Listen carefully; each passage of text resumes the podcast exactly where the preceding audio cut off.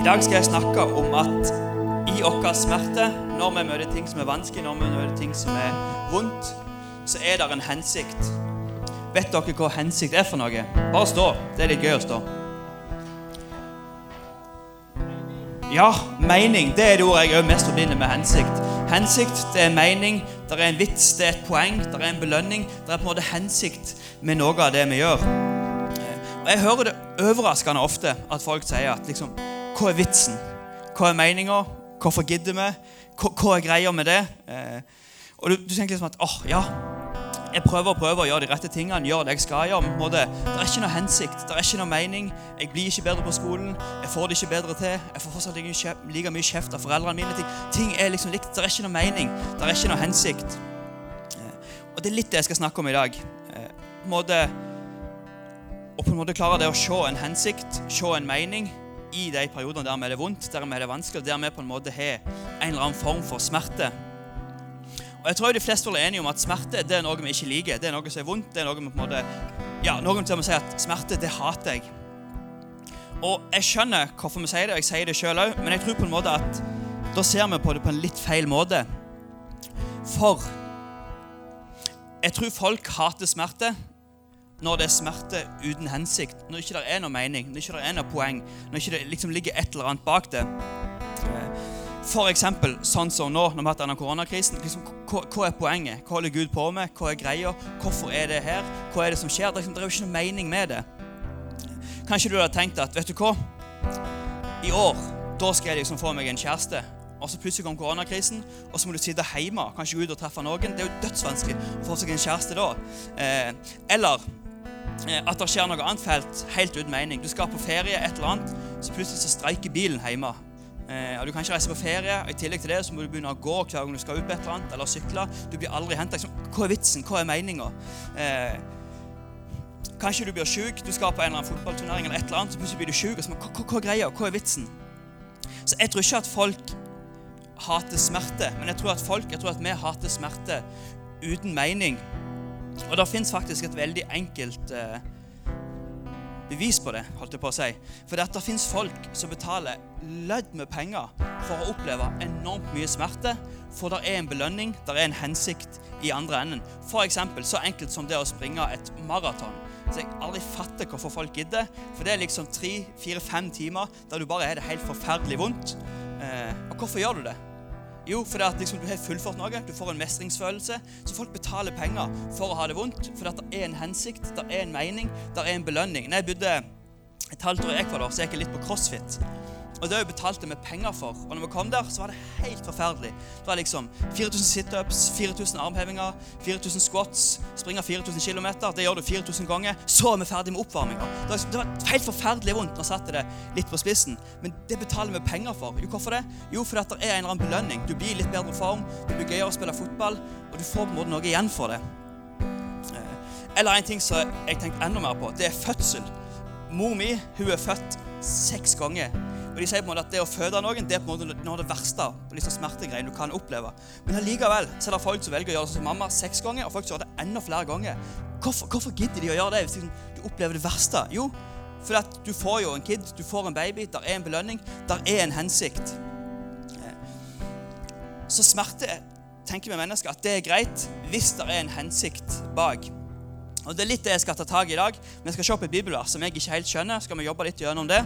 Eh, og skal vi prøve å finne ut at de gangene vi har det vondt, de gangene vi har det vanskelig, så er det veldig ofte en hensikt, det er en mening. Eh, så skal vi se på det. Det kan bli veldig interessant. Før vi ser dere, så tar jeg bare og ber litt. Kjære Jesus, jeg bare takker deg for at vi er i gang igjen med Ubetania. Jeg bare takker deg for at vi kan samles igjen, selv om ikke det er på, ja, sånn som vi pleier. Så bare takker jeg deg for at du allerede er her.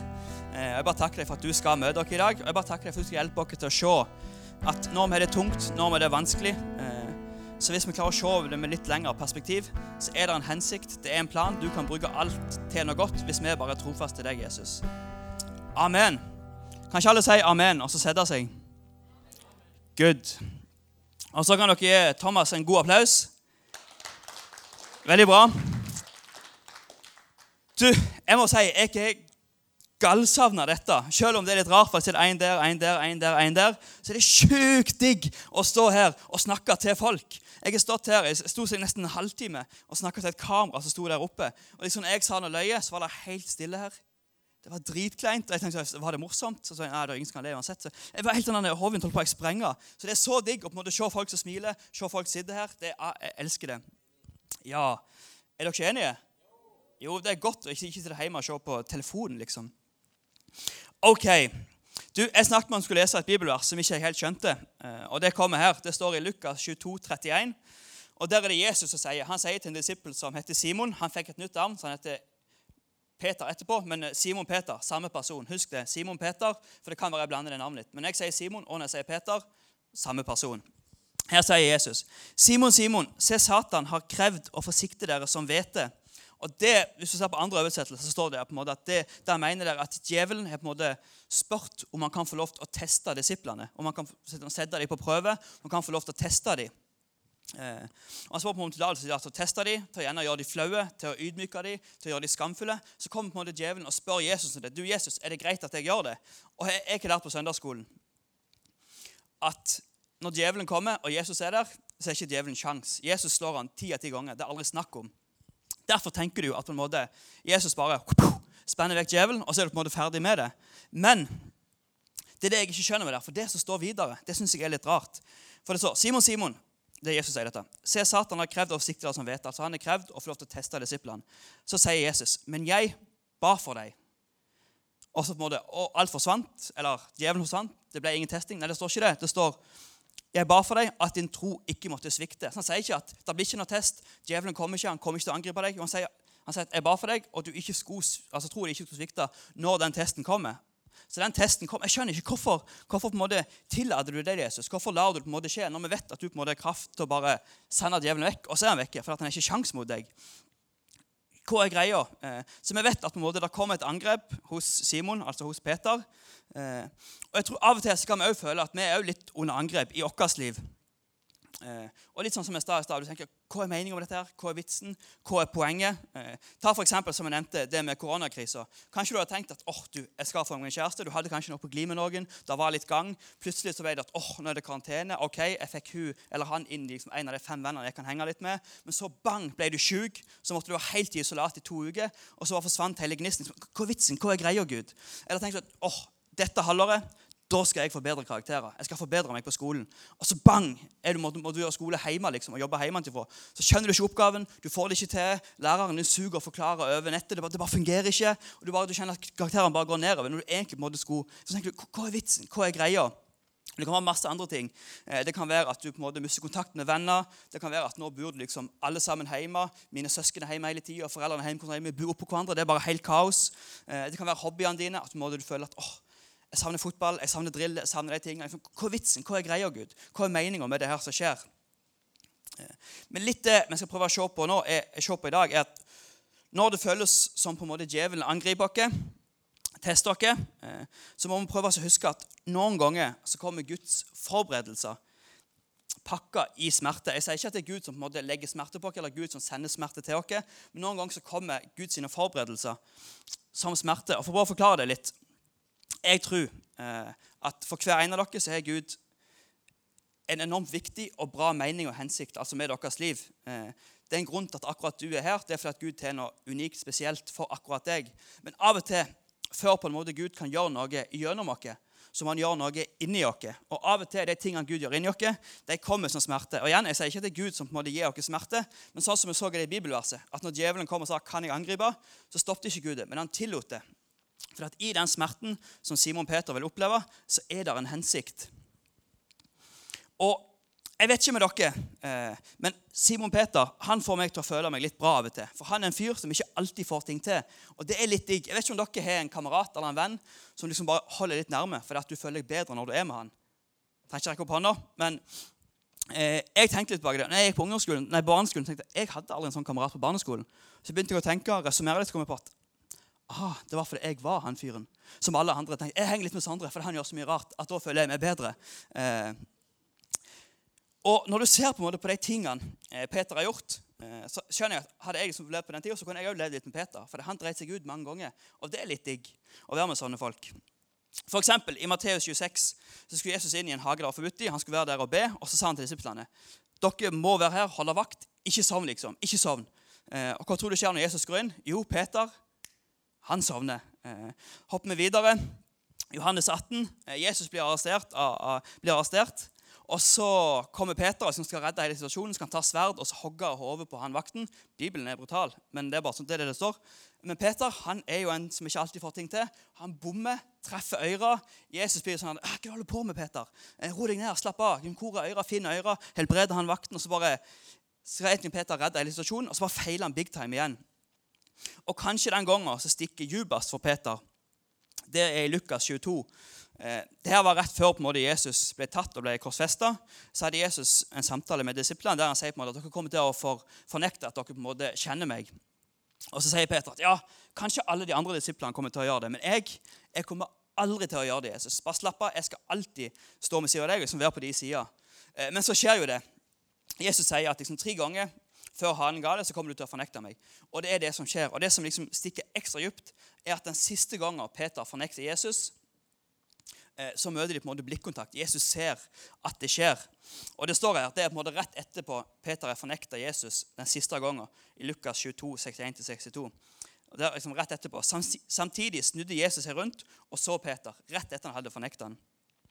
Da husket Peter Jesus hadde sagt til ham. Før hanen galer skal du fornekte meg tre ganger. når han akkurat gjort det. Og så står det, Da gikk Peter derfra og gråt i dyp fortvilelse. Peter han kjente på en veldig smerte. Det var vondt. Eh, så vondt at liksom en voksen mann begynte å grine. Og folk vet at det er ikke veldig ofte voksne menn griner. så det er som regel når det er noe veldig vondt. Eh, og det er jo lett å liksom stille seg spørsmålet hvor var Gud den liksom, i de der feilene, i de der tingene som Peter gikk gjennom? og Han på en måte hadde det vondt fordi han ikke fikk til ting, fordi han feila. Hvor var Gud i det?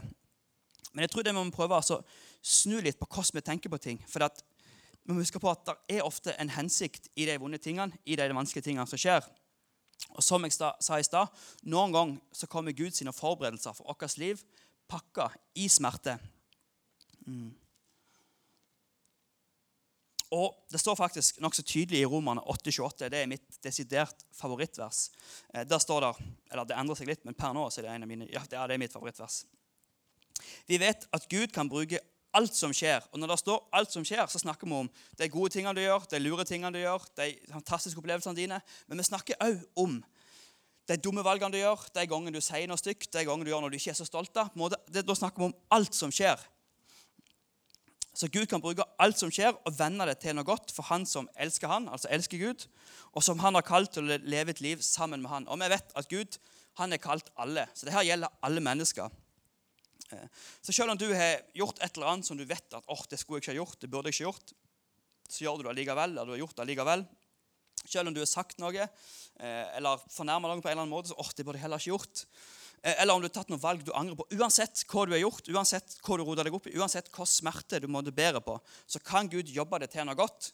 Hvis du elsker Han, hvis du er trofast til Han, så på sikt så vil Han på en måte snu det til noe godt. Men på en måte i sånne ting så må vi ikke alltid bare fokusere på smerten, på de vonde tingene, på de tingene som er vanskelig, men prøve å løfte blikket litt og se på en måte, hva er det Gud vil med dette. Hva er hensikten? Eh, og så må ikke det bli sånn en hvilepute at vi tenker at åh, det er liksom alltid en hensikt, Gud har alltid en plan, så nå skjer det noe dritt, da kan jeg bare slappe av. Jeg tror at Når vi begynner å ta tak i det, når vi snakker med folk, når vi spør etter hjelp, når vi begynner å gjøre noe med den smerten, det er da virkelig Gud begynner å jobbe, og så snur han det vonde om til noe bra for oss. Og så kan du si at ja, men Sondre, du vet ikke hvor jeg står. Du vet ikke hvordan jeg er det, du vet ikke hvor jeg står i, hvor jeg har gått gjennom, eller hvordan ting er. Og Det er jo helt sant. Men én ting som jeg er helt sikker på, og som jeg vet, er at enten så er det ting allerede, eller så kommer det til å komme ting i livet deres som kommer til å være så store og vanskelige at dere kommer til å gallgrue dere til dem. Eh, og Det kommer til å være helt forferdelig inni dere. Men så vet jeg at de tingene er kanskje de tingene som får dere til å utvikle dere mest, som får dere til å vokse mest, og som får til å ta flest steg. For når du må gå gjennom sånne ting, så er det ofte en hensikt bak. Eh, så jo mer smerte, jo større er av og til forberedelsene til Gud som han gjør inni oss. Og jo større smerten er, jo større er ofte hensikten med det du skal gjøre etterpå. Så jeg sier det igjen, men husk at noen ganger så kommer Gud sine forberedelser for vårt liv pakka i smerte. Eh, og Nå blir det litt interessant, for nå skal vi se på en måte hva som står etterpå i det verset vi leser helt i starten, der på en måte djevelen spurte om han kunne teste disiplene. Så Jeg leser hele verset på ny, og så leser vi det som Jesus sier helt til slutt. Simon, Simon, se Satan har, har krevd og forsiktig dere som vet altså krevd å få teste dere. Men jeg ba for deg at din tro ikke måtte svikte. Og når du en gang vender om, da styrk dine brødre. Eh, så Jesus han visste at Peter kom til å feile, han visste han kom til å tvile, han visste han kom til å fornekte Jesus, han kom til å på en måte gå på noen smeller, sånn at han kjente på en smerte. Det visste Jesus. Men Jesus visste òg at Peter kom til å komme styrka ut av det. Han kom til å komme sterkere ut av det. Og Det som er veldig interessant, er at nå, 1. juni, da er det, det er en mandag, og det er en fridag for alle oss. Vet dere hvorfor? Det er første pinsedag. Eh, og Pussepinsedag pinsedag det er da Den hellige ånd kom til verden. Eh, og Det var på en måte den første gangen disiplene gjorde noe etter Jesus for opp til himmelen. Så Da var de plutselig helt alene, uten sin leder. Eh, og Hvem var det som trødde fram da? Jo, det var Peter som trødde fram. Han som alltid feila. Eller ikke alltid, men han som feila som oftest, ikke fikk til ting. Det var Peter som trødde fram, og han talte. Og det var 3000 stykk som på en måte omvendte seg. Og hva var det som sto her i verset? Hva var det Jesus sa? Og når du en gang vender om, når du en gang du omvender deg, da styrk dine brødre. Så når på en måte Jesus hadde forsvunnet, og på en måte alt det hadde skjedd med Peter, han hadde på en måte gått gjennom mye vondt, det hadde vært mye smerte, så hadde Gud på en måte tatt og snudd det, brukt det til noe godt. Og så står Peter og snakket en helt gokk med folk eh, om på en måte det å omvende seg. det at, og Han snakker om ting han vet, for han har på en måte gjort feil, han har gjort tabber, og han er blitt tilgitt av Jesus gang på gang. på gang, og Han vet liksom hva det er for noe, og hva det betyr. Og pga. at han gikk gjennom de tingene, på grunn av at han opplevde de smertene, så kunne han stå og på en måte få 3000 stykk til å omvende seg og så si vet du hva, jeg tror på Jesus. Så husk det, folkens, at i din smerte så er det en hensikt, og det er en mening. Eh, men så må vi være klar over at det er ikke alltid vi på en måte klarer å se den hensikten og den meninga når den smerten er der. Eh, og jeg tror Av og til så handler det om at du må på en måte bare tro på det. At vet du hva, Jeg ser ikke noe poeng, jeg ser ikke noe mening med det som skjer akkurat nå, men Jesus jeg skal være trofast til deg, jeg skal tro på deg, jeg skal holde meg til deg. Og sammen skal meg og deg komme gjennom dette, og sammen skal du bruke dette til noe godt i mitt liv. Så vet jeg av erfaring at han kommer til å gjøre noe med det. Jeg har gått på kjempemasse smeller, gjort mye dumt, opplevd mye dumt som har vært skikkelig skikkelig vanskelig. Men så har jeg fått godt å se, når jeg ser tilbake igjen på livet mitt, så ser jeg at vet du hva?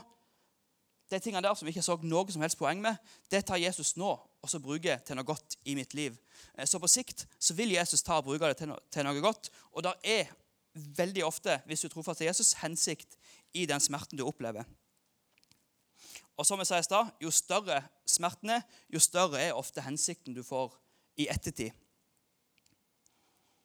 Og Husk det, at Gud han kaster aldri, eh, han kaster aldri vekk smerte. Du kan bare opp og klimpre deg, Thomas. det er aldri sånn at han på en måte, Hvis vi har en smerte, et eller annet vi opplever seg vondt, så tenker han, Gud, den smerten den skal bruke til noe godt. Den smerten den skal bruke til noe godt. Den den dropper jeg. Den, den dropper. Det er ikke sånn Gud fungerer. All smerte det, Han kaster det aldri vekk. Dere er med på tanken? Bra. Eh, og For alt jeg vet, så kan det være at alt i livet ditt nå er helt perfekt. Ting går knirkefritt, og det er jo dødsbra. Men da vil jeg at du skal bare ta dette her, lagre det bak i hodet ditt, for jeg vet hvordan livet er. Dessverre så går det litt opp og ned, uansett om du er kristen eller ikke. samme, samme hva, Så går livet opp og ned. Det er ting som er lett, det er ting som er vanskelig. Og det vil komme perioder av livet ditt der du på en måte vil kjenne på smerte og ting som er vanskelig så husk det, at det er hensikt i den smerten. Det er ikke alltid du ser det der og da, men hvis du er trofast med Gud, så vil han på sikt bruke det til noe godt. På samme måte som han gjorde med Peter. Og kanskje den personen som jeg kjenner, som har opplevd desidert mest smerte i sitt liv, og kanskje den aller, aller største smerten, mye mer enn mor mi, som har født seks unger, i tillegg seks galninger, det må være ekstra fælt, eh, det er Jesus Eh, når han på en måte døde på korset Så jeg tenkte på det liksom, han, han, han, visste hva som kom til å skje. Han visste han skulle gjøre det. Men likevel så valgte han å gjøre det. Han valgte å dø på korset på en helt forferdelig måte. Og hvorfor det? Hvorfor valgte han å oppleve all den smerten? Jo, så får vi snakket om at på en måte, smerte det kan vi akseptere hvis det er en hensikt bak det. Og Jesus han hadde virkelig en hensikt bak. Og det var at når han døde på korset, så tok han alle våre feil, alle våre mangler, alle gangene vi driter oss ut, det tok han på seg. Sånn at Uansett hva vi har gjort, uansett hvem vi er, uansett hvordan vi oppfører oss, så kan vi alltid komme til Jesus, og så er det på en måte tilgivelse. Eh, og det er sjukt godt å tenke på. Og det var derfor Jesus døde på korset. Eh, Og Jeg har lyst til at folk bare skal ta oss og bøye hodene og lukke øynene. Så sa jeg i stad at på en måte ta og lag det her bak i hodet ditt. Eller hvis du er i vanskelige situasjoner, ta det til deg. For det enten så trenger du det, eller så kommer du til å trenge det. Ja, og så har jeg bare lyst, for Nå har det vært en liten stund der vi ikke har fått samles, ikke vært på Betania. Ja, Og hvis du her på en måte aldri har tatt et valg om hva, Jesus, han har jeg lyst til å tro på, så skal du få den muligheten nå.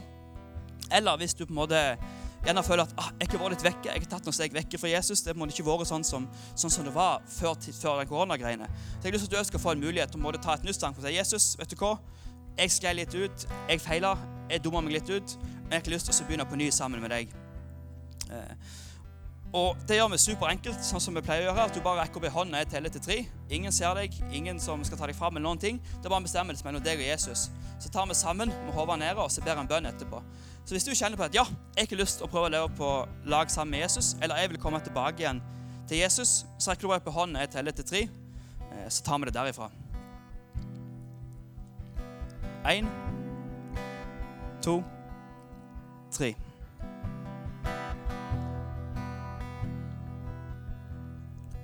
Yes, kan bare ta ned hendene.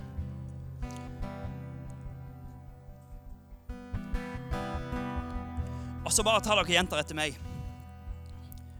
Kjære far. Jeg takker deg for at Jesus døde for meg. Tilgi alle mine synder og gjør meg ny. Mitt liv er ditt. Amen. Yes, du, veldig bra. Da får vi litt tid. Og ta nå og tenk litt på dette. Hvis du er i en vanskelig situasjon, hvis det er et eller annet livet ditt som er vondt og vanskelig, bare legg det framfor Gud nå i lovsang og på en måte si Gud, jeg skjønner ikke meninga, jeg ser ikke noe hensikt, men jeg vet, Gud, at meg og deg finner ut av dette sammen. Du hjelper meg gjennom det, og sammen så bruker du det til noe godt i mitt liv. Så får vi et par lovsanger nå der vi kan få lov til å være sammen med Jesus.